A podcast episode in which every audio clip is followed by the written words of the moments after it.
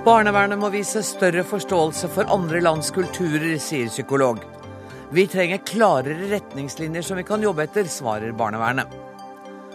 Stortingspresidenten vil ikke møte Tibets åndelige leder Dalai Lama når han kommer til Norge i mai.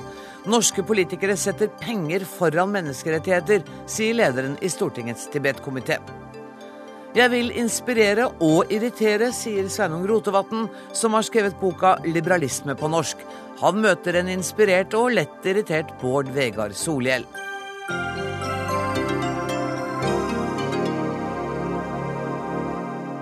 Dette er noen av sakene i denne utgaven av Dagsnytt 18, der vi også skal møte to amerikanske oldemødre som beviser at alder ikke er noe hinder for miljøaktivisme. Men først. Barnevernet har ingen forståelse for andre lands kulturer. Slik lyder noe av kritikken etter gårsdagens Brennpunkt-dokumentar, der en mor ble fratatt omsorgen og siden sendt ut av landet, mens barnet ble igjen i Norge. Dette kunne vært forhindret hvis barnevernet hadde hatt større kunnskaper om andre lands kulturer og tradisjoner, sier mange. Mari Trommald, du er direktør i Barne-, ungdom- og familiedirektoratet, og barnevernet ligger under dere. Erkjenner du at det er noe i denne kritikken? Ja, først så er det viktig her å få frem at hvert eneste år så er det omtrent 50 000 barn som får hjelp fra barnevernet. Mens når det gjelder omsorgsovertagelser, så er det færre enn 1000. Men det er klart, det er alvorlige inngrep for dem det gjelder. Og for disse familiene så er det viktig at både kultur og annen type bakgrunn blir nøye vurdert før man går til et sånt alvorlig skritt. Og det er vel også riktig at av disse overtagelsene, som er da færre enn 1000, så er det en overrepresentasjon i familier av ikke-etnisk norsk bakgrunn.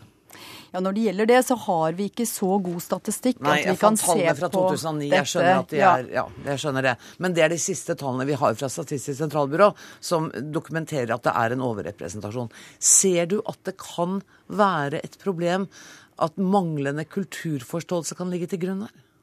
Det er klart at det med, med, omsorg for barn og det å vurdere hvordan oppvekstvilkårene er i en familie, det vil bli påvirket av den kulturen som familien kommer fra. Og for barnevernet så blir det viktig å prøve å vurdere det opp mot de norske normene og det norske lovverket. Og dette er vanskelige saker. Her kan man risikere å kjøre i to ulike grøfter. Enten gripe inn for sent eller for tidlig. Og begge deler er like alvorlig for den familien det gjelder. Er kompetansen om andre lands kulturer og barneoppdragelse god nok, slik du ser det i barnevernet i dag? Det vil nok være veldig forskjellig. Vi vet at noen steder, sånn som i Oslo, hvor man har hatt denne problematikken lenge, så vil nok mange i barnevernet ha opparbeidet seg mye kompetanse. Men det er klart, dette kan være såpass sjeldne tilfeller at den enkelte barnevernsarbeider kanskje ikke har vært inne i en omsorgsovertagelsessak før, og da blir det vanskeliggjort hvis det er en familie med en annen type kulturbakgrunn. Judith Vandre Fele, du er psykolog og blir ofte brukt som sakkyndig i saker som dette. Mm. Eh, og jeg så deg på Dagsrevyen i går, og der var du ganske klar og, og, i dine uttalelser. Du mener at barnevernet mangler denne kompetansen? Vet du hva, Jeg hadde vært livredd selv hvis jeg sto i fare for en omsorgsovertagelse at det ikke ville være kulturkompetanse. Jeg vir virkelig har vært det. Jeg syns jeg har opplevd mange saker hvor jeg ser direkte menneskerettighetsbrudd både for barn og voksne.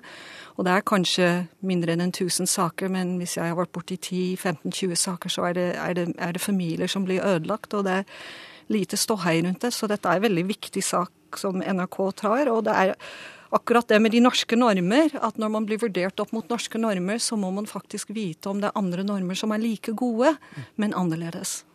Men ser du at det kan være kulturer hvor barneoppdragelsen ikke tilfredsstiller de kravene man i Norge har til en forsvarlig og trygg oppdragelse av barn? Det er ingen sted i verden hvor man tilfredsstiller kravene på en god oppdragelse. I norsk oppdragelse så har vi grunn til stor bekymring rundt forskjellige elementer. Tenk på alle stressa jenter da, som eh, sitter med karakterer og skolegang og jobber halve natta. Det er bekymring i alle verdensdeler rundt barneoppdragelse. Du sa at du har sett brudd på menneskerettigheter. Kan du gi noen eksempler? Ja, jeg tenker f.eks. på en handikappa gutt som uh, har uh, foreldre fra Afrika, og i den kommunen han bor nå, så får han ikke godt nok hjelp i hjemmet. Barnevernet tok han i en periode ut av det hjemmet.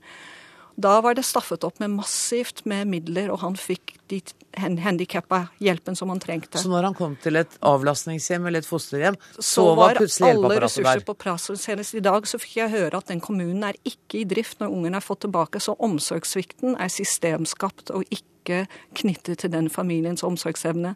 Antyder du at det også er rasistisk begrunnet? Ja, ja, det er helt klart. En del, Mener du det? eh, At, eh, at det er en del barnevernsarbeidere som er rasistiske, som vi må få plukket ut av dette systemet. Og så trenger vi barnevern som begynner å be om unnskyldning når fylkesnemnd faktisk begynner å vurdere og sier at dette er feil.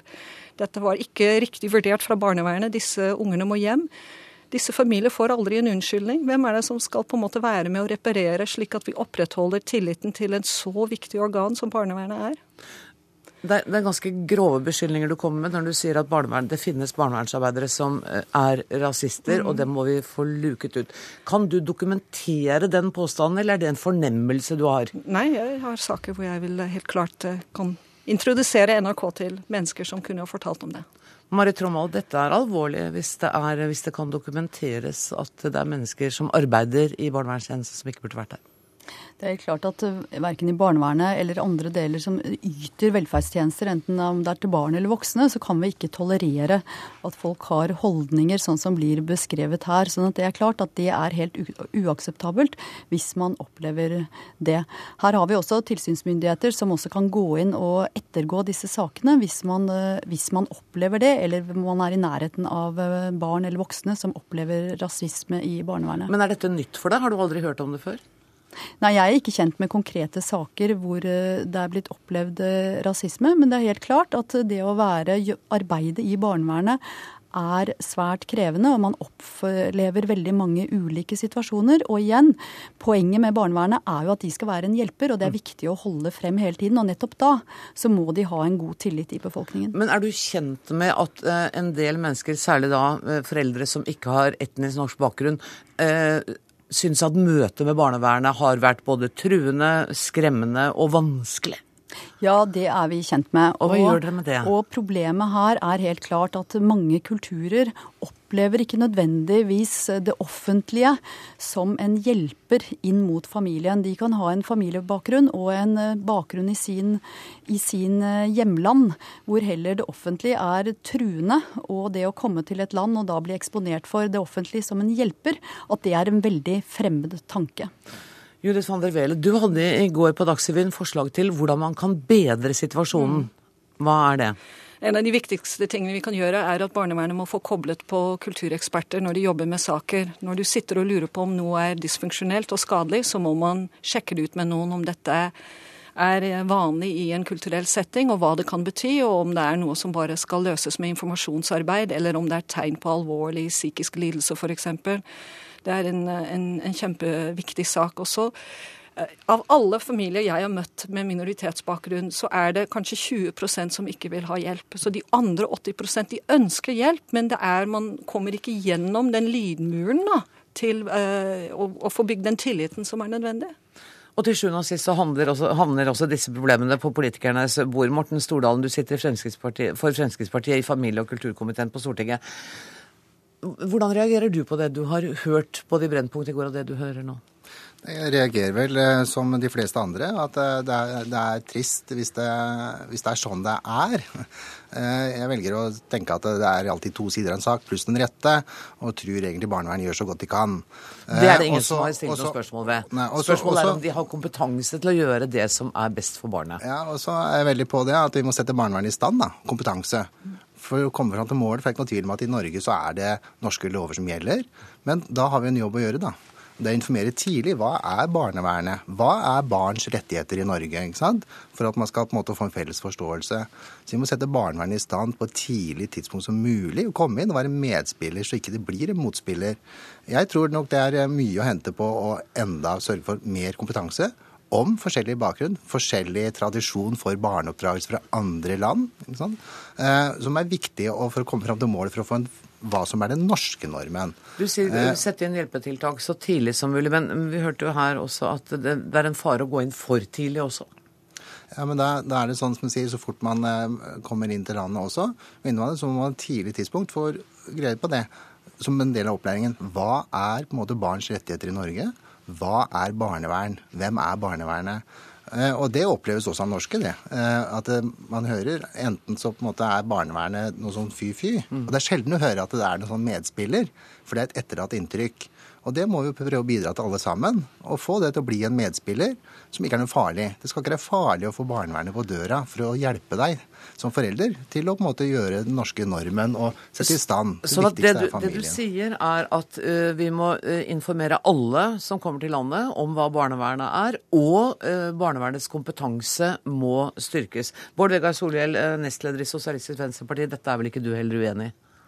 Nei, det er vanskelig å være uenig i det. fordi altså, Vi snakker om de menneskene de ansatte i barnevernet som kanskje gjør en av de vanskeligste jobbene i Norge. Mm. Jeg tror ikke jeg har hørt om en enkel sak som ender med at noen mister omsorgen for sine barn. Uavhengig av hvilket land de er fra. Og i hvert fall blitt kontakta av, av, norske som syns det er grusomt og har forferdelige opplevelser. Det må være veldig vanskelig. Mm. Mer kompetanse på kultur og språk. Jeg, jeg, er ikke i tvil om at det er noe å gå på. Jeg syns det var veldig interessant å se at det her her har man kompetanse. Prøver å gjøre noe. Virkelig.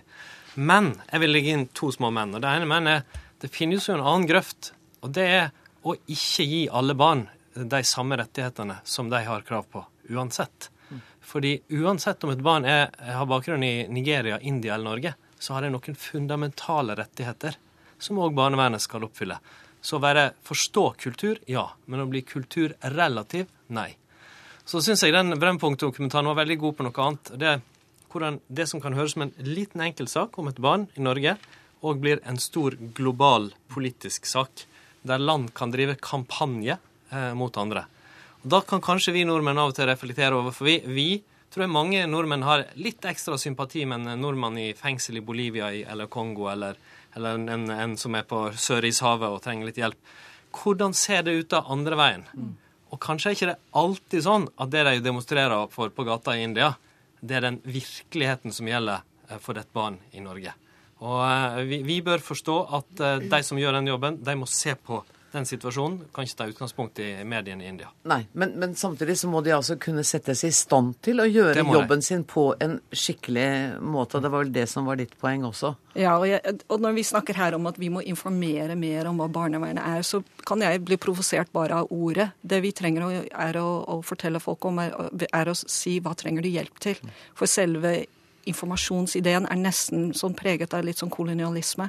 For er, vi skal fortelle dere hvordan ikke sant, dette er et barnevern, og sånn skal barn ha det i Norge. Men det, det, det disse familiene trenger, er først og fremst ikke å få informasjon, men de trenger å få den ydmyke tonen som viser hva trenger du hjelp til. At vi er litt nedlatende rett og slett i, I møte med disse familiene? Ja, det er i alle brosjyrer så starter man i Norge, og så, så har man på en måte mistet familien allerede på veien. Har vi det? Jeg er litt, litt på det. for nå, nå, er det sånn at eh, når Vi så programmet Brennpunkt i går også, og vi hører, så er det jo at det, folk er på en måte litt sånn redde når de hører barnevern. Og Det er det vi må få vekk. Det må jo på en måte, det har noe med kommunikasjon og inntrykket som man får, for det sprer seg også miljø, og det også NRK da bidragsyter til, kanskje. Eh, men man har sett hva det har fokus på nå. Og det er det at Og det skal vi ha ros for. Ja, ikke sant? Og når det, når det sprer seg, at man blir redde for barnevern. Eh, da, da, på en måte er vi litt ute på ville veier. Og det er det vi må ta tilbake. At det skal ikke være noe farlig å få enkle hjelpetiltak og få råd, veiledning. Og så vet vi at det er noen også som foreldre som nekter å ta imot hjelp. En liten del. Men det mm. viktigste er vel hvordan vi kommuniserer mm. for å ikke skape den angsten. Fort, uh, Solhjell, og så ja, skal du få det Ja, for det, altså, heldigvis er forståelsen og respekten for barnevernet mye større i Norge nå enn det har vært tidligere. Og de fleste vil jo ha hjelp og bistand. Men konfliktfritt vil det ikke være i alle saker. Det tror jeg må erkjenne. Og da er det komplisert, for alle barn skal ha sine rettigheter på den ene sida. Samtidig må man forstå kultur, eh, annerledeshet eh, i, eh, i, normer osv. òg. Trommald, du får siste ordet. Ja, jeg tror det er viktig for alle oss som snakker om barnevernet, også løfte frem barnevernet som en hjelper. For dette er ansatte som ønsker å gjøre en god jobb. Og det er helt klart, her trenger man mer kompetanse. Men ja, barnevernet er en hjelper. Tusen takk for at dere kom til Dagsnytt 18. Judith van der Wele, psykolog. Marit Romal, direktør i Barne-, ungdoms- og familiedirektoratet. Bård Vegar Solhjell, nestleder i Sosialistisk Venstreparti. Og Morten Stordalen, familie- og kulturkomiteen på Stortinget for Fremskrittspartiet. Dagsnytt 18 alle hverdager klokka 18.00 på NRK P2 og NRK2. Det er ikke i Norges interesse at stortingspresidenten møter Dalai Lama nå. Det sier presidenten selv, Olemic Thommessen. Han får støtte fra resten av presidentskapet og av utenrikskomiteen på Stortinget. Olemic Thommessen kunne selv ikke være med i Dagsnytt 18 i dag, men til nrk.no begrunner han sitt standpunkt med at han ikke vil nøre opp under en vanskelig situasjon, og sikter til det anspente forholdet mellom Norge og Kina. Kenneth Svendsen, Frp, andre visepresident på Stortinget. Den konkrete saken er at Stortingets Tibet-komité ba om å få slippe Dalai Lama inn i lagtingssalen, men har fått nei. I stedet skal de få bruke et rom i fjerde etasje på Stortinget. Hvorfor det? Ja, Det er pga. at dette er et, en invitasjon fra Venstre eh, til Dalai Lama. Og eh, vi ønsker ikke at det skal fremstå som et statsbesøk. Det er, det er hovedgrunnen til at, eh, gjør det, at vi gjør dette. Men Dalai Lama har vært på private besøk i Norge tidligere, eh, hvor han har møtt den norske politiske ledelse. Ja, det har han, eh, har han gjort. Fremsto det som statsbesøk, da, syns du? Ja, det, det er veldig mange som kan oppfatte det som et statsbesøk, selv om det ikke har vært det. og Det er det vi er opptatt av. Vi har en veldig vanskelig situasjon og hatt det over lang tid eh, med Kina. Eh, Vi ønsker å forbedre den, eh, den posisjonen. Eh, Og Det er jo det som ligger bak eh, dette, det vi gjør nå i forhold til det. Ok, Så hensynet til eh, vår samhandel og diplomatiske forbindelser med Kina er etter eh, presidentskapets mening viktigere enn å eh, støtte den mannen som fikk eh, Nobelprisen, fredsprisen for 25 år siden? Ja, det, Den er i hvert fall viktigere for meg eh, å gjøre det. Vi har en vanskelig situasjon, og vi har en vanskelig situasjon over lang, lang tid nå. Og Vi har et ansvar å prøve å komme oss ut av dette. Og, og Det har også litt med å gjøre at man eh, enkelte plasser har problemer med å se forskjell på Stortinget og utdeling av Nobels fredspris. Bidrar ikke dere nettopp til den forvirringen ved å si at vi kan, vi kan ikke gjøre noen ting?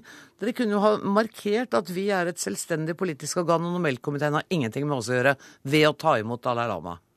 Nei, jeg mener at det er det, er det på en måte eh, Venstre og Fremskrittspartiet som kan gjøre på selvstendig grunnlag, der stortingsrepresentanter tar det initiativet. Men presidentskapet som et organ bør ikke gjøre det. Det vil nøre opp under det at det fremstår som om at eh, Stortinget står bak enhver utpekelse til Nobels fredspris, og det er det ikke det som er tilfellet. Nå har Stortingets Tibet-komité søkt om å få bruke lagtingssalen. Det får de ikke lov til. De får bruke et møterom i fjerde etasje. Men kan eh, Dalai Lama få komme inn hovedinngangen på Stortinget når han kommer? Altså, jeg har sagt eh, at jeg ønsker at det skal fremstå minst mulig som et statsbesøk. Okay. Og så er det da de som tildeler rom, som får gjøre en vurdering av hva vi i presidentskapet eh, Hvor de vil håndtere det presidentskapet sier. Og etter det jeg hørte, så hadde den såkalte romkomiteen på Stortinget i utgangspunktet sagt ja til lagtingssalen, men så kommer presidentskapet og sier nei. Så det jeg lurer på er, vil det være for mye preg av statsbesøk om han går inn hovedinngangen til Stortinget? Ja, jeg vil si at, eh, at eh, jeg vil si det, at eh, det vil fremstå som det. Og Min anbefaling er at han går inn eh, en annen inngang. Kjetil Kjenseth, du er leder i Stortingets eh, Tibet-komité. Hvordan har du reagert på eh, dette at det ikke må se ut som et statsbesøk når Dalai Lama kommer? Er akkurat eh, det Kenneth Svendsen sier nå, det har jeg tenkt lite på. Jeg syns det høres litt smålig ut, for å være ærlig. Vi skal ta imot en, en fredsprisvinner i, i Norge som har dialog som sitt virkemiddel i verden. Eh, Og eh, vi har ingen ambisjoner fra den Tibet-komiteen, som for øvrig har representanter fra alle partier, eh, om å gjøre dette til et, statsbesøk. Eh, Det er jo snakk om en dialog eh, med en fredsprisvinner eh, som har stått i en kamp i, i over 50 år for, eh, for eh, menneskerettigheter. Og han er jo et ikon eh, for, eh, for den kampen. Så eh, vi har, et, eh, vi har et ærlig ønske om en dialog, og vi tenkte at eh, eh, Lagtingssalen er en god arena. Den blir i dag brukt til, eh, til eh, diverse møter, og, og klasse, klasser kommer på besøk der. Den blir brukt til dialog i dag. Men ikke når han kommer. Nei, tydeligvis ikke. Men, men, kan du se at det er problematisk å opprettholde det tette forholdet til Dalai Lama etter at Liu Xiaobo fikk eh, fredsprisen? Ja da, jeg har all forståelse for det. Men jeg synes jo at eh, Fremskrittspartiet, eh, og særlig Høyre, som har hatt lederne i de to foregående Tibet-komiteene, henholdsvis utenriksminister Børge Brende og stortingspresident Olemic Thommessen, kunne valgt en mer offensiv strategi. Jeg syns det er pussig at vi i Norge og Stortinget holder oss med en Tibet-komité som gjelder strengt tatt ganske få mens vi eh, etter en konflikt over eh, snart 60 år med Tibet ikke har en Kina-komité. Og Det er jo det som er årsaken. For 40 og 50 år siden så var det jo, var det jo ikke noe problem eh, å snakke nedsettende eller, om, om, Kina. Mens i dag så er det en av verdens stormakter, og det er der utfordringen ligger. Men med respekt å melde, da burde noen ta initiativ til en Kina-komité på Stortinget. Vi er valgt av folket, vi skal ha dialog med Kina, og det er jo ikke for å terge Kina vi inviterer Dalai Lama det er for å ha en dialog. Og det tilsvarende ønsker vi også med Kina. Syns du at uh, dine kolleger i uh, presidentskapet setter penger foran uh, menneskerettigheter her? Ja, det er jo åpenbart den eneste de legger vekt på, så er det jo handelsinteressene med Kina. Og det syns jeg også blir litt tafatt. At vi ikke tør å stå opp, verdens rikeste land, hvor vi har det så bra, og tør å drøfte menneskerettigheter og utfordringer i Kina. Eh, med Kina, men også drøfte dem med Tibet. Og Det er ikke sånn at, eh, sånn at Dalai Lama ikke skal utfordres på noe. Kenneth Svendsen, litt tafatt? Nei, jeg syns ikke det. Det er, det er, en måte å vise at det er, det er forskjell på, på, det offisielle Norge og Nobelkomiteen og deres utvelgelse. Eh, og, og, så er det jo helt rett at eh, hvis noen ønsker å starte en Kina-komité, så, så, kan man da gjøre det helt fritt. Og det er jo det er jo et privat initiativ som skjer fra den enkelte stortingsrepresentant og, uh, for å danne de forskjellige vennskapsgrupper. Og det er det jo mange av på Stortinget. Vil du danne en Kina-komité? Vi har eh, Tibet-komiteen utfordra noen på å gjøre det, så det tror jeg helt sikkert vil komme. Men eh, jeg hadde jo håpet at noen fra, fra Høyre eller Fremskrittspartiet skulle tatt den ballen etter noen oppfordringer. For de har jo åpenbart stor tillit til Kinas økonomiske betydning.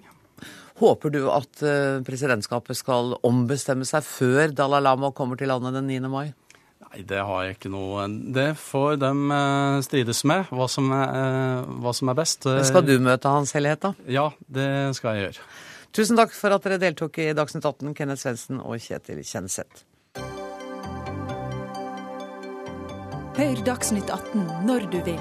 Radio NRK Radio.nrk.no.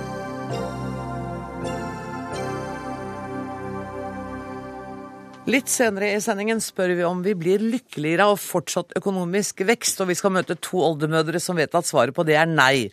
Men nå skal det handle om ideologi, nærmere bestemt om liberalisme på norsk. Aller først, det er ingen tvil om at det er en annen hverdag å være ansvarlig stortingspolitiker enn å være frittalende ungdomspartileder, skriver du Sveinung Rotevatn i boka 'Liberalisme på norsk'. Eh, og du fortsetter. Der jeg før brukte mye tid på å jobbe med ideologiske problemstillinger og reformer, jobber jeg nå med konkrete budsjettbevilgninger og veiprosjekter. Velkommen hit. Takk for det. Um, Sveinung Rotevatn, uh, nå er du stortingsrepresentant for Venstre. Hvor alvorlig er det at ideologiene forsvinner i praktisk stortingsarbeid? Er du bekymra over det? Det er mye ideologi på Stortinget, heldigvis, men det er også veldig mye uh, annet. Uh, og det er ikke minst veldig mye dag-til-dag-politikk. En blir fort fanga i det som skjer, en blir ganske introvert. Uh, mens jeg har hatt det privilegiet å være ungdomspartileder noen år, og da jobber du jo på en litt annen måte. Da tenker du mer de store linjene, uh, utforsker ideologi, og forsøker å tenke ti år fram, og ikke på en måte ti dager fram. Eh, så når jeg nå har fått den, den, gleden å skrive ei bok og gi ut den, så har jeg valgt å fokusere på det siste. Nemlig ja. å tenke fram, tenke reformer, tenke litt større. Men, men, her også, i boka di så er du også inne på konkrete og aktuelle debatter. Vi skal kommer komme til det. Jeg må bare spørre Bård Vegar Solhjell, hjertelig velkommen. Lenge siden jeg har sett deg. Hyggelig at du kom tilbake. Um, dette med å være ungdomspolitiker og på en måte i en mindre ansvarlig posisjon, gir det en annen type frihet til å tenke de store tankene, til å dyrke ideologiene? Altså, jeg, jeg, har, jeg, har, fortsatt å tenke, jeg, altså. Det, jeg, jeg, opplever faktisk jeg, kan kjenne meg igjen i den at ungdomspolitikere de sier bare det de vil. Ja.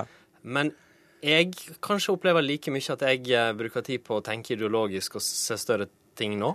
Fordi når jeg var ungdomspolitiker, så sloss jeg for, eh, mot gasskraftverk og for gratis skolebøker. Og nå prøver jeg å rydde litt tid til å tenke lenger. Men det jeg kjenner meg igjen i, det er at når du blir en ledende politiker i ditt parti, som Sveinung Rotevatn er blitt som stortingsrepresentant i Venstre, mm. da er det mange som ok, Kanskje blir han statsråd en gang. Da må du være forsiktig med hva du sier. Ellers Hele tida. Det, det, det, kjenner jeg litt igjen. Eh, liberalist, eh, liberalisme på norsk. Um, så skriver du om uh, grunn... Du er ikke så nøye med hva du kaller deg sosialliberaler eller liberaldemokrat, men at det liberalistiske i det så ligger den individuelle friheten. Hva legger du i det begrepet i den globaliserte verden vi lever i? Særlig at det er en globalisert verden mener jeg er et viktig stikkord. Jeg skrev ganske mye om det i, i boka. i og for seg. Eh, og Der mener jeg den liberale utgangspunktet gir de beste løsningene. Fordi vi lever i en verden der en får et voldsomt press på f.eks. personvernet pga. internett og digitalisering. Da trenger en en liberal ryggmargsrefleks. Dat ja, altså for å si det sånn, Dagen i dag, når du på en måte har en statsminister som står i Stortinget og, og, og sier at personvern det er også å verne folk mot kriminalitet, og på en måte drive nytale på den måten, det, det tilsier ofte at du ikke trenger noe mindre liberal ryggmargsrefleks i Norge. Og Globaliseringa tilsier at folk beveger seg over landegrenser, at eh, en handler mer med hverandre. og Det er i utgangspunktet veldig positivt, og det er ikke noe en skal kjempe mot. og Derfor er jeg f.eks. en motstander av proteksjonisme og heva eh, grenser rundt land. og Det skriver jeg mye om i boka. Og du skriver også, hvis vi går litt tilbake til dette med personvern, at de som velger tryggheten framfor friheten, altså aksepterer en større grad av overvåking, de har mista det aller vesentligste i livet. Ja, det mener jeg. For da har du på en måte Altså alle som kjemper for overvåkning og inngripende tiltak, gjør jo det, vil jeg tro, med god hensikt, nemlig at en skal sikre friheten på et vis. Men på et eller annet tidspunkt så har det gått så langt at du må spørre deg sjøl hva du står igjen med, hvis du ikke har frihet til å gjøre det du vil, dersom noen alltid veit alt om deg. Som er dessverre den veien vi er på vei. Altså, Jeg er jo grunnleggende framtidsoptimist og teknologioptimist eh, for det aller meste. Men akkurat for personvernet så er jeg veldig bekymra. Det er dessverre tendensen i land etter land eh, at politikerne gir etter for krav om mer trygghet, for krav fra politiet, eh, og klarer ikke stå i det og sikre menneskeretter og sikre mindretallet. Du husker at Liberalismen kanskje sin kjerne er nettopp å verne mindretallet. ikke sant? Ukrenkelige rettigheter som et folkevalgt flertall ikke kan ta fra deg. Personvernet, retten til liv, ytringsfriheten. Og Der trenger en liberalere mer enn noen gang før. Eh, I boka di så skriver du at du, du, har skrevet den litt for å inspirere, eh, og også for å irritere dine politiske motstandere. Jeg vet ikke, Solhjell, hvor inspirert og irritert var du? Jeg tillot meg å si her at du ja. kanskje var lett irritert? Altså, Hanna Kvamme sa en gang at man skal prioritere nøye hva man irriterer seg over. Og det her, Min prioriteringsliste ligger langt over å irritere meg over det her. Tvert imot. Jeg syns det er en ganske god bok. Ja, for Faktum er at du er enig i ganske mye av det som står her. Det er helt riktig. Ja. Eh, ikke minst det siste vi snakket om, eh, fra, fra eh, Benjamin Franklin, vitenskapsmannen, som sa at den som ofrer sin frihet for tryggheten, fortjener ingen av delene. Eh, jeg syns det her er et, det er et godt innlegg for hvor viktig vår personlige integritet er, ikke minst i en tid der teknologien gir muligheter til overvåkning. Og det er mye annet eh, svært bra. Og Sveinung Rotevatn skriver, skriver, interessant og godt. Eh, og dessuten så vil jeg si at klubben av norske politikere som har skrevet bøker som ikke handler om oss sjøl, men om politikk, den er ganske liten. Og eh, ja, det er bra å ha flere i den. Men så på et, spørsmål, et punkt hvor dere er helt åpenbart uenige, er jo forholdet til EU. Eh, og Rotevatn, du sier jo at um, du er jo for at det ikke skal være tollmurer. Det skal være frihet, det skal være fri, fri flyt av mennesker. Mm. Du er tilhenger av Schengen-avtalen. Men når det kommer til spørsmålet om helt fri innvandring, så sier du at er ikke så sikker der, gitt. Nei, jeg sier at... Vanskelig med disse prinsippene. Ja, Det kan du i og for seg si, men det er klart at jeg mener at fri innvandring er et viktig mål. Eh, og så anerkjenner jeg at det slik en organisert verden i dag er jo ikke noe du kan oppnå på mandag. Men når, samtidig, når jeg sier at jeg er for eh, fri innvandring som et mål, så sier gjerne folk at det er fullstendig urealistisk. Og da spør jeg gjerne deg, ja, hva tror du skjer da dersom vi åpner for fri innvandring fra Tsjekkia og fra Italia? Og da sier jeg, ja, Nå kommer det jo sikkert hundretusenvis av fattige italienere til Norge. Så sier jeg jo, men vi har jo fri innvandring fra Tsjekkia og fra Italia. Fordi vi er med i EØS, fordi vi er med i Schengen.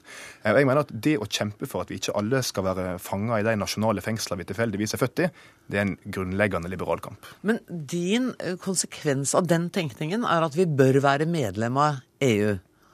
Ja, eh, Sånn at det, friheten for individet er noe annet enn den statsfriheten, da. Ja, det er ett av argumentene mine. Jeg ser jo mange utfordringer med EU-systemet, helt åpenbart, men den største utfordringa er jo slik vi har organisert oss i dag. Fordi at skal Et annet utgangspunkt for liberalismen var jo folkestyret, demokratiet.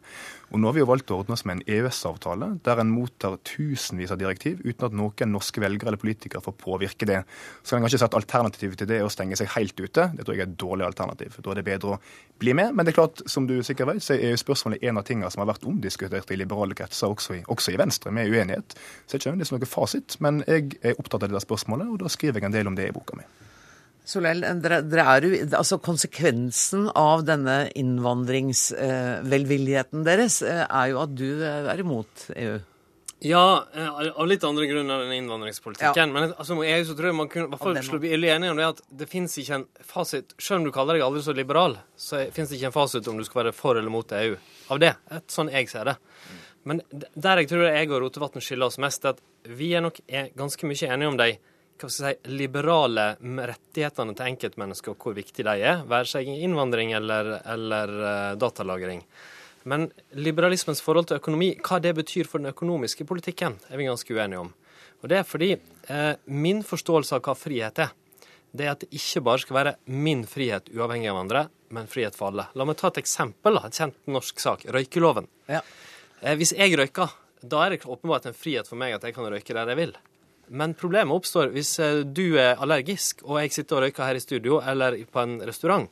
Og inntil for ti år siden så var det faktisk sånn i Norge, og mange liberalere mente det var feil. Men derfor, hvis man, derfor må man alltid veie min frihet mot andres uh, mulighet til å miste frihet. Og her kommer den økonomiske politikken inn. Ja. Nemlig at uh, en sterk velferdsstat, et regulert arbeidsliv, at vi gjør den, altså en venstresidas økonomiske politikk, kan virke som en ufrihet for enkeltmennesket, men kan være veldig viktig for å ivareta eh, det store flertallets frihet. Du skal få svare veldig kort, vi er på overtid. Ja, nei, det er klart, eh, Akkurat røykeloven er jeg faktisk ikke uenig om, men det er klart at eh, den største forskjellen er jo gjerne i synet på, på økonomien. ikke sant? Det legges nok større vekt på eiendomsretten, på kontraktsfriheten, og har større tro på markedet enn det Bård Vegar har. Men det er jo et av mange tema jeg skriver om i boka mi. Det blir eh, spennende å se. Jeg lanserer i morgen klokka åtte på Kafé Kristiania, så det er bare å komme for deg Og vi som måtte kunne ønske det. snakket om monarki og aktiv dødshjelp og abort og sorteringssamfunn og det, alt. Eh, Og de som er interessert i å vite hvordan du tolker liberalisme på norsk, kan altså kjøpe boka di. Tusen takk for at dere kom, Bård Vegar Solheim og Sveinung Rotevatn, som nå kommer med ny bok.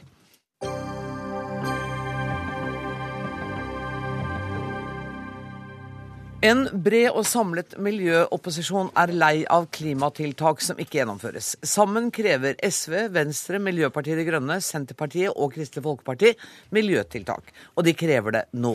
Et virkemiddel kan være å skrive en klimalov, og i dag inviterte de fem partiene til fagseminar om nettopp det på Stortinget. Rasmus Hansson, stortingsrepresentant for Miljøpartiet De Grønne. Hvordan skal en klimalov se ut? Hva vil det være det viktigste å få inn der? Det viktigste ved en klimalov er at det forplikter en regjering juridisk til å gjennomføre den klimapolitikken som er vedtatt. Og den gir en helhetlig ramme eh, for den klimapolitikken. Eh, og den gir et langsiktig mål for den klimapolitikken. Og så gir den en del konkrete virkemidler som tvinger klimapolitikken framover. Man må gjennomføre tiltak. Man må gjøre det i samferdselssektoren, i oljesektoren osv. Og så må man melde tilbake til Stortinget hvordan det har gått, minst én gang i året, slik at trøkket holdes oppe hele tiden, og at ansvaret hele tiden ligger på f.eks. klimaministerens skuldre, uten noen dikkedarer. Men kunne ikke det målet være oppnådd ved at man hadde et aktivt politisk miljø, et aktivt storting? Jo, det kunne det, men det har vi altså nå hatt og fått forklart at det er helt storartet i 15-20 år, og vi veit hva resultatet er. Norske utslipp har gått opp. Vi har en regjering som nettopp har funnet ut til sin store overraskelse at den har et klimaetterslep på 8 millioner tonn som den ikke veit hvordan den skal eh, få kutta. Det er resultatet av denne her snille norske modellen som snakker om at de skal gjennomføre politikk, men ikke gjennomføre den. Derfor trenger vi en klimalov, sånn som de har i Storbritannia, og sånn som vi har på alle mulige andre områder i det norske samfunnet hvor vi syns det er viktig å få gjennomført ting. Tine Sundtoft, klima- og miljøminister. Er klimalov noe dere vil vurdere i det hele tatt? Ja, jeg sa 13. mars på regjeringens breie klimakonferanse at vi skal utrede, hensiktsmessigheten av en klimalov. Det viktigste for oss er å få ned klimagassutslippene. Men det ligger i klimaforliket fra Stortinget at vi skal utrede en klimalov. Og i motsetning til den forrige regjeringen, som aldri satte i gang det arbeidet, så har vi nå satt i gang det arbeidet. Men vi vil ikke konkludere før vi har utreda om dette er lurt. Det kan godt være at det er det, men vi vil gjerne utrede først. Ikke bare si at lov er løsningen på utfordringen. Men hva sier ryggmargsrefleksen din når forslaget kommer om en klimalov? Hva er det liksom det første du tenker? Det som bekymrer meg litt, er at det kan bli en avsporing av den viktige politiske debatten om hvordan vi skal få til en endring i samfunnet. Det nødvendige skiftet som jeg har snakka mye om. Jeg hadde en stor opplevelse. For tre uker siden så var jeg i Freiburg, De grønnes virkelig arnested. Møtte en offensiv ordfører fra De grønne. Han har vært ordfører der i tolv år. Det han virkelig understrekte, var at mange av de endringene vi har fått til i Freiburg, er det tverrpolitisk enighet om. Det, det skiftet vi har virkelig fått innbyggerne med på, det vi har fått næringslivet. Tverrpolitisk vil vi det. Det er mye viktigere å diskutere virkemidler for å få til det skiftet, enn å diskutere om vi trenger en lov. Men vi skal utrede om en lov kan være svaret på utredning. Men det tverrpolitisk enighet er jo bare for deg å bli enig med Rasmus Hansson, så er vi jo nesten i mål på tverrpolitisk enighet. Jo, og det syns jeg hadde vært mye mer sånn spennende å diskutere. Hva skal vi få til her? Vi har sannsynligvis en felles bekymring rundt en litt sånn klimatrøtthet i, i, befolkningen. Og jeg tror at den type diskusjoner som kommer fram nå, at lov er svaret på utfordringen, det bekymrer meg. Men vi skal se om det kan være fornuftig. Det klimaministeren burde være bekymra over, er at denne forklaringen, eller nærmere bestemt bortforklaringen, har vi nå hørt i 15-20 år.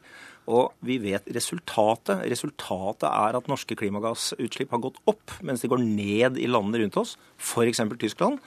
Og da må vi jo på et eller annet tidspunkt stille spørsmålet hva skal vi gjøre nå som vi ikke har gjort før? Og det som er fryktelig bekymringsfullt, det er når det altså kommer en høyreregjering som for så vidt har støttet denne klimapolitikken som ikke har virket i årevis.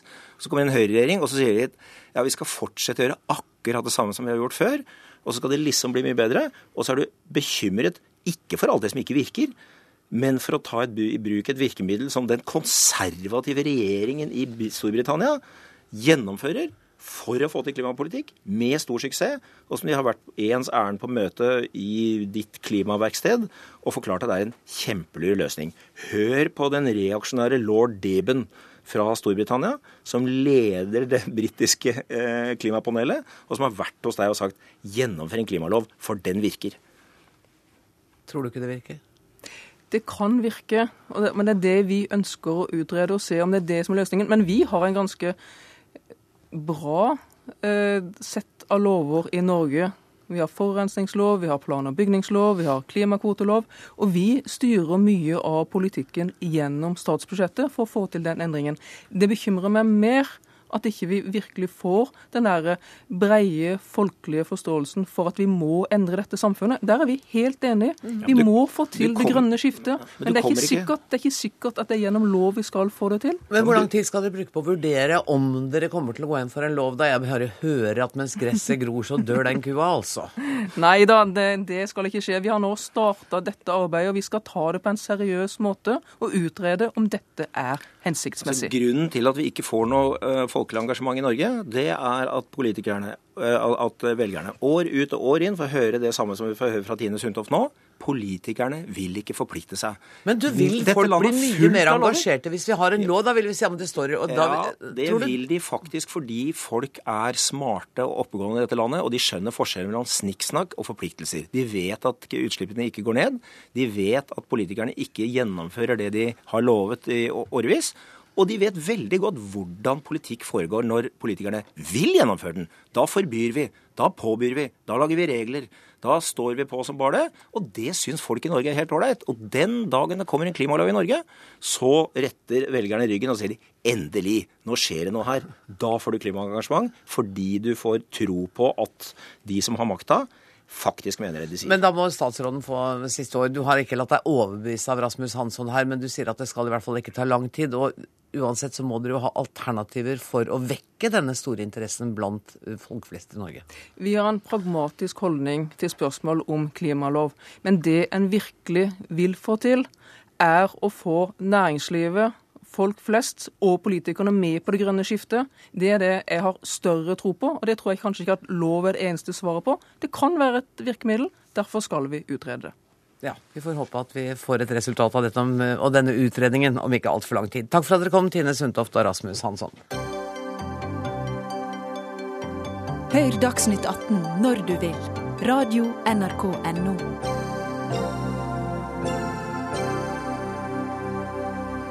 Pressen kan bidra til å hindre justismord hvis journalistene har adgang til dokumenter fra etterforskningen. Det sier generalsekretæren i Norsk redaktørforening, som mener at påtalemyndigheten hemmeligholder for mye. Arne Jensen, generalsekretær altså i Norsk redaktørforening. Helt konkret, hvilke tiltak vil du ha endret? Jeg syns f.eks. Eh, man kunne innføre den ordningen som man har i Sverige, hvor det er slik at eh, når tiltale er tatt ut i en straffesak, så åpner man også eh, for innsyn i det bevismaterialet som ligger til grunn for tiltalen. I alt? Ja, det finnes vel unntaksbestemmelser der også, men hovedprinsippet er at eh, man har da adgang til det materialet som, som begrunner og som eh, tiltalen, og som skal legges frem eh, i retten på et eh, senere tidspunkt. Og da vil poenget da være at da kan journalistene ettergå dette materialet? Ja. Du sier at uh, man kan komme, kunne hindret justismord hvis pressen hadde hatt tilgang til dette. Skulle pressen da drive en bredere etterforskning enn det man gjør i dag? Problemet i dag er at det, det går en slags eh, hemmelighetslinje gjennom store deler av strafferettspleien, altså hele straffesakskjeden. Eh, og det ser vi i forhold til tilfeldigheter når det gjelder innsyn i siktelser, Eh, i fengslingskjennelser, i tilgang til eh, bevismateriale. I dag vi, eh, har vi ikke engang krav på å få kopier av det materialet som presenteres i retten, når det presenteres i retten. Det er litt opp til aktoratet og partene å, avgjøre.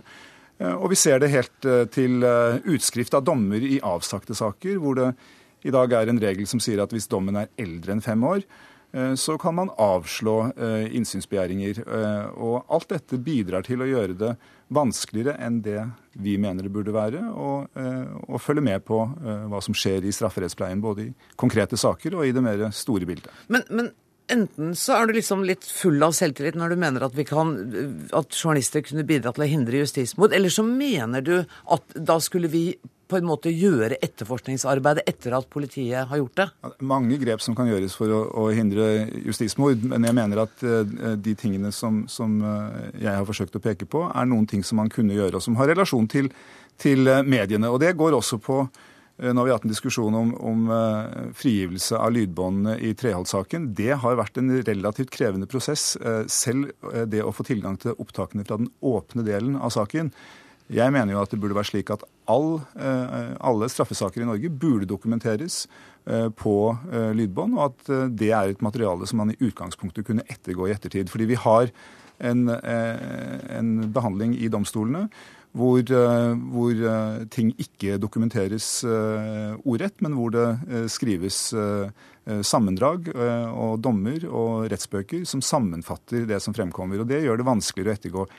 Liland-saken ble tatt opp igjen på bakgrunn av et privat, uautorisert opptak som, eh, som eh, noen gjorde i sin tid. Og det var det som startet opprullingen av, av Liland-saken og det justismordet som ble begått der. Inga Bæreng, du er statsadvokat og representant for den påtalemyndigheten som da ifølge Arne Jensen hemmeligholder altfor sterkt. Hva skyldes denne lukketheten? Ja, altså jeg, føler, jeg kjenner meg på en måte ikke helt igjen. Gjør du ikke? Nei. nei, jeg har vært statsadvokat i elleve år, og jeg Jeg tenker at jeg alltid har frontet en åpenhet. Åpenhet innenfor de rammene jeg har. Altså, sånn som regelverket er nå, så kan jo jeg straffes hvis jeg utleverer dokumenter eh, fra straffesaken til folk som ikke skal ha, ha de dokumentene, som da ikke er sakens parter eller domstoler. Så det, men innenfor den rammen jeg har, så føler jeg at jeg hele tiden har ligget helt i ytterkant av den rammen i forhold til å være åpen i forhold til media. Eh, men det, det første som, som, eh, som, blir tatt opp her, det er jo med det å, at vi skulle til innføre lignende regler som i Sverige. Eh, og, det, og at det bør utredes. Jeg har jo ikke noen sterke meninger for og imot det. og så klart det det er sikkert mulig å utrede det også i Norge, men jeg tenker at det er viktig å ha for seg at det er ting som taler sikkert for, men det er mye som taler mot. Hva da? Nei, altså jeg tenker at Av og til media i denne debatten eh, virker av og til som de ikke helt tar inn over seg at i enhver straffesak, eller i hvert fall veldig mange straffesaker, så er det veldig, veldig mye sensitivt materiale. Det er personer som ofte har vært utsatt for grove krenkelser Enten om det er voldtekt eller drap, eller altså ting som på en måte er, fryktelig vanskelig for disse menneskene å håndtere. Og de utleverer seg selv på mange mange måter uh, i møte med politiet. Og i domstolen, for så vidt. Og jeg tenker at det er nok jeg tenker nok at vi må, må, ha de menneskene også litt i mente, om at dette skal ikke være allemannseie. Eh, så, så, det er de som taler mot det igjen, da. Så, så jeg tenker at det, det, Men så klart, hvis det skal utredes, så er det pro et kontra her. Og jeg sier ikke helt hvor, på en måte hvor jeg lander i det, men, men, men eh, så klart det er både hensyn for og imot. Og når det gjelder dette med åpenhet når saken går til retten, så jo jeg, sitter jo jeg med følelse av at vi har gått det har jo blitt en, en voldsom åpenhet eh, i de senere årene. Jeg tenker at hvordan skal det bli mer åpent?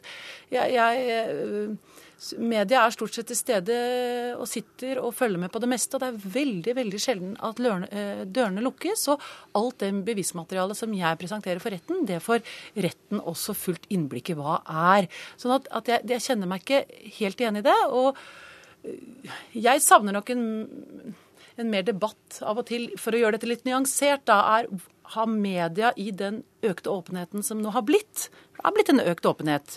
Det tror jeg vi sikkert kan være enige om. at det er, er de helt bevisst det ansvaret de da har fått?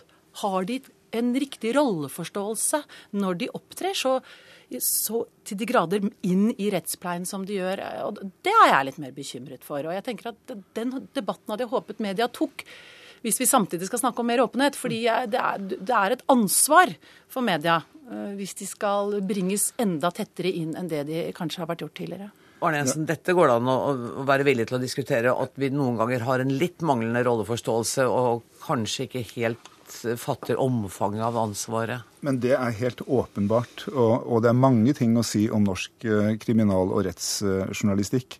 Eh, og så er ikke uh, Cecilie Beyer-Eng det fremste eksempelet Inga. Inga, Inga Beyer-Eng, mm. unnskyld.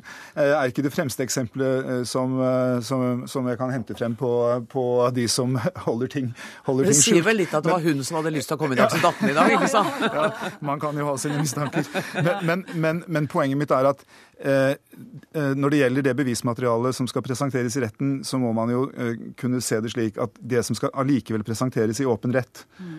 av bevismaterialet Jeg skjønner at det i noen saker så vil det være mange hensyn å ta som tilsier at man må gjøre avgrensninger. Men hvis vi kan begynne å diskutere det litt fra den andre kanten, eh, og se på om det er mulig å åpne dette mer, så tror jeg det ville være sunt både for norsk rettssikkerhet. Åpenhet er et eldgammelt rettssikkerhetsprinsipp. Eh, og det ville være sunt for norsk kriminal- og rettsjournalistikk.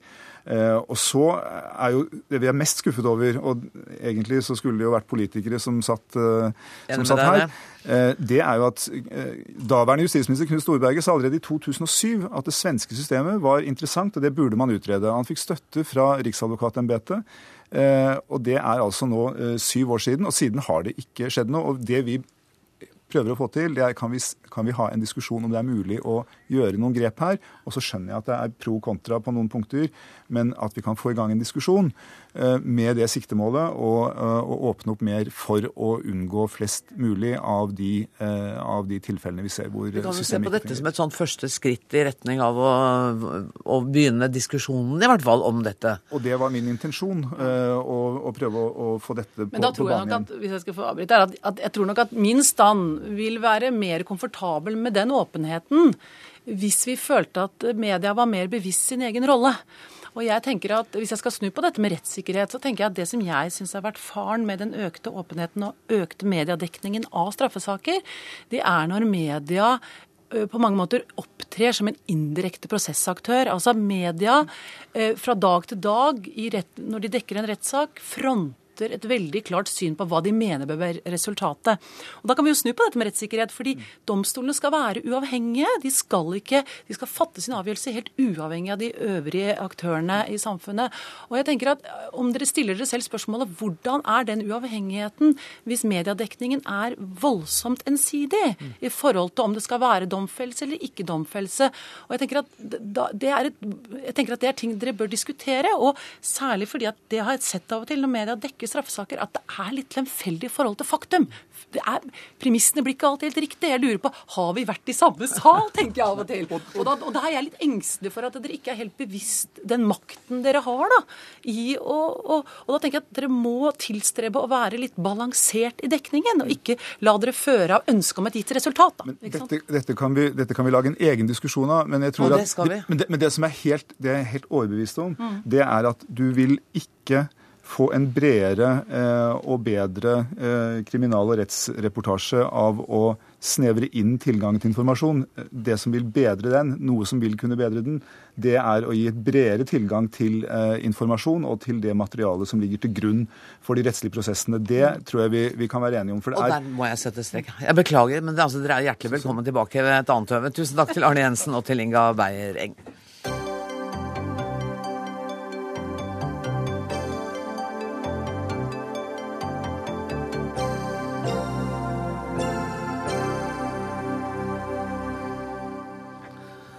Å ha passert 90 år er ingen hindring for å være miljøaktivist, delta i ulovlige aksjoner og bli arrestert både titt og ofte.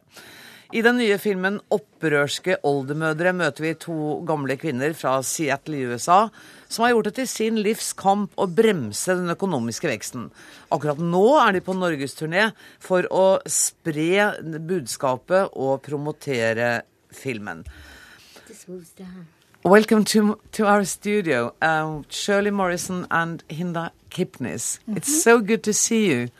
Um, Shirley, what is the point of your activism? What is it you want to achieve? Well, mainly I want to change the world, of course. Of like course. Everybody does. But because I have a lot of grandchildren, a lot of great grandchildren, and I worked for UNICEF many, many years as a volunteer, and the whole the world. This is for the world's coming generations. We need to make a change. We have to make a change. And you are willing to even go to jail for that? Yeah, going to jail is not anything. You go to jail so that you can have a trial that will be publicized. Your issues being publicized is what's important. Hinda, I must remind you, you are gra- you are great grandmothers. Shouldn't you stop protesting and demonstrating now? Surely, is the great grandmother. Okay, sorry. Well, you I could am been- a grandmother, Yeah. and I'm been around a long time, Yeah. and I've seen a lot of change, and the direction that's happening in the world today is not. It causes me great concern for our children, our grandchildren, our children's children's, and our children's children's children, because we're heading for a cliff with the problems of uh, environmental devastation and uh, they're promoting economic growth and economic growth and I'm nervous. I'm having I'm problems. so, okay, I'm very I'm nervous. nervous too because You're I don't nervous? usually speak English, so this Oh. is difficult for me as well. But You're but doing a great let me finish. I got it. Economic growth and global warming are like two sides of the same coin. They're inseparable. Are they? Yes, they are definitely so. And the reason why they're like this is because you have to think of the coin as capitalism. And we're living in a system of capitalism that has gone over the whole world. And what's happening is they're le- leading all of us to a destroyed, devastated environment and they're also increasing capitalism, not they, capitalism is increasing the gap between the rich and the poor, and it keeps growing. And I don't know if you've seen the movie, but I haven't yet because it All right. hasn't come out in Norway yet. That's- Oh well, it's it's going to come out. its way. It's, It's- going to on come its way on out Friday, It's going to come mm-hmm. out on Friday, Yeah, I'm looking forward and to we that. haven't fully addressed the issue of what's to be done with. We're, the the movie is on limits to economic growth, and that's why Shirley and I are doing this because we see we can project what's going to happen in a very short time, even though we may not be here, but we've been here long enough to see it. Um, would you forgive me if I speak Norwegian to um, to uh, Håvard Bustnes, who is also here. Velkommen. Altså, min første tanke er, uh, hvordan møttes dere tre? Du, hvordan finner man ting nå for tida? Jo, eh, på internett. Så jeg fant et eh, videoklipp på YouTube med organisasjonen Raging Grannies, sinte bestemødre. Og det her er jo flotte, gamle damer som slåss for en bedre verden mot krig i Irak og mange politiske saker. Så jeg ble nysgjerrig. Syns det her var litt tøft, så vi, vi tok kontakt med organisasjonen som har rundt 100 eh, avdelinger rundt omkring i hele USA. Og fikk satt opp et Skype-møte med til slutt da Shirley og Hinda, snakka med flere. Og når Shirley og Hinda da begynte å krangle som et gammelt ektepar, så ble jeg veldig fascinert. Og når i tillegg Shirley fortalte at hun har blitt arrestert tolv ganger for aktivismen sin, da skjønte jeg at det her var noe helt spesielt. Hvor vanskelig var det å få dem med på, på filmen? Du, de var overraskende villige, så vi bestemte oss bare for å dra av gårde til USA og, og skulle bare lage, gjøre noe testopptak. Eh, og var der i 20 dager og kom tilbake med kanskje 60% av det vi trengte å lage en hel film. Og på fredag har den altså norgespremiere. Det er riktig. Um, we're talking very nicely about He says very nice things about you. Um, That's good. we can't tell. Did, did you, well, you can trust me. Um, did you enjoy uh, being part of the film? Oh, you, I certainly did. Uh, as long as it as it makes people think about the big issues that we're facing. And if it doesn't, that's ridiculous. I mean, it was a ridiculous waste of time, but we understand there are debates going on, and that's wonderful. Surely it's not a ridiculous uh, waste of time. It would have been if nothing had come from it. If people Well- don't get the message. That's right. Well, the message is is like planting a seed. We as elders have tremendous liberty to speak what we want because we're old people. Does that make it easier? Yes, Oh, it makes yes. it Oh, yeah. tremendously easier. Because what could you do to us? We're old. It's important. It doesn't matter. And then we've had life experience of, like we said, we've seen a lot. So why shouldn't we speak out? And then what's happened also, the younger people, their parents don't understand them. And they feel connected to us who want to see something we want to see a better future for the world, and we see it going in the wrong direction. It's we're going off a cliff. Hun, I have to translate a little bit. Det hun sier er altså at eh, økonomisk vekst og miljø er to sider av samme sak, og vi er nødt til å forstå at vi kan ikke fortsette med den ubegrensede økonomiske veksten. Og så sier de to damene også andre interessante ting, nemlig at det er lettere å si akkurat hva du mener når du er begynt å bli gammel. Og det er ikke noe farlig å bli arrestert. And um, you're not very surely that you might be arrested again. No. No, I, I really don't. I'm not worried about being arrested, but I it does concern me that only the very local small town newspaper takes any notice of it. Okay, but you're on national radio and television now, so Okay, that's thank You, thank that's you so good. much for I joining think, us, even yes. though Norway is a small country. thank you so much, Shirley Morrison and Hinda Kipnis. Tusen takk også til Håvard Bustnes. Jeg eh, ønsker deg lykke til med premieren. Er du litt nervøs, eller? Du, det, er alltid, det er alltid spennende med, med en premiere. Så Opprørske oldemødre kommer på kino på fredag, og det gleder vi oss veldig til. Dermed er det virkelig slutt på denne utgaven av eh, Dagsnytt 18. Ansvarlig for sendinga i dag har vært Bjørn Atle Gillestad. Det tekniske ansvaret har Eli Kyrkjebø. Jeg heter Anne Grosvold, and I'm so sorry. We're taking, they're taking us off, off air now.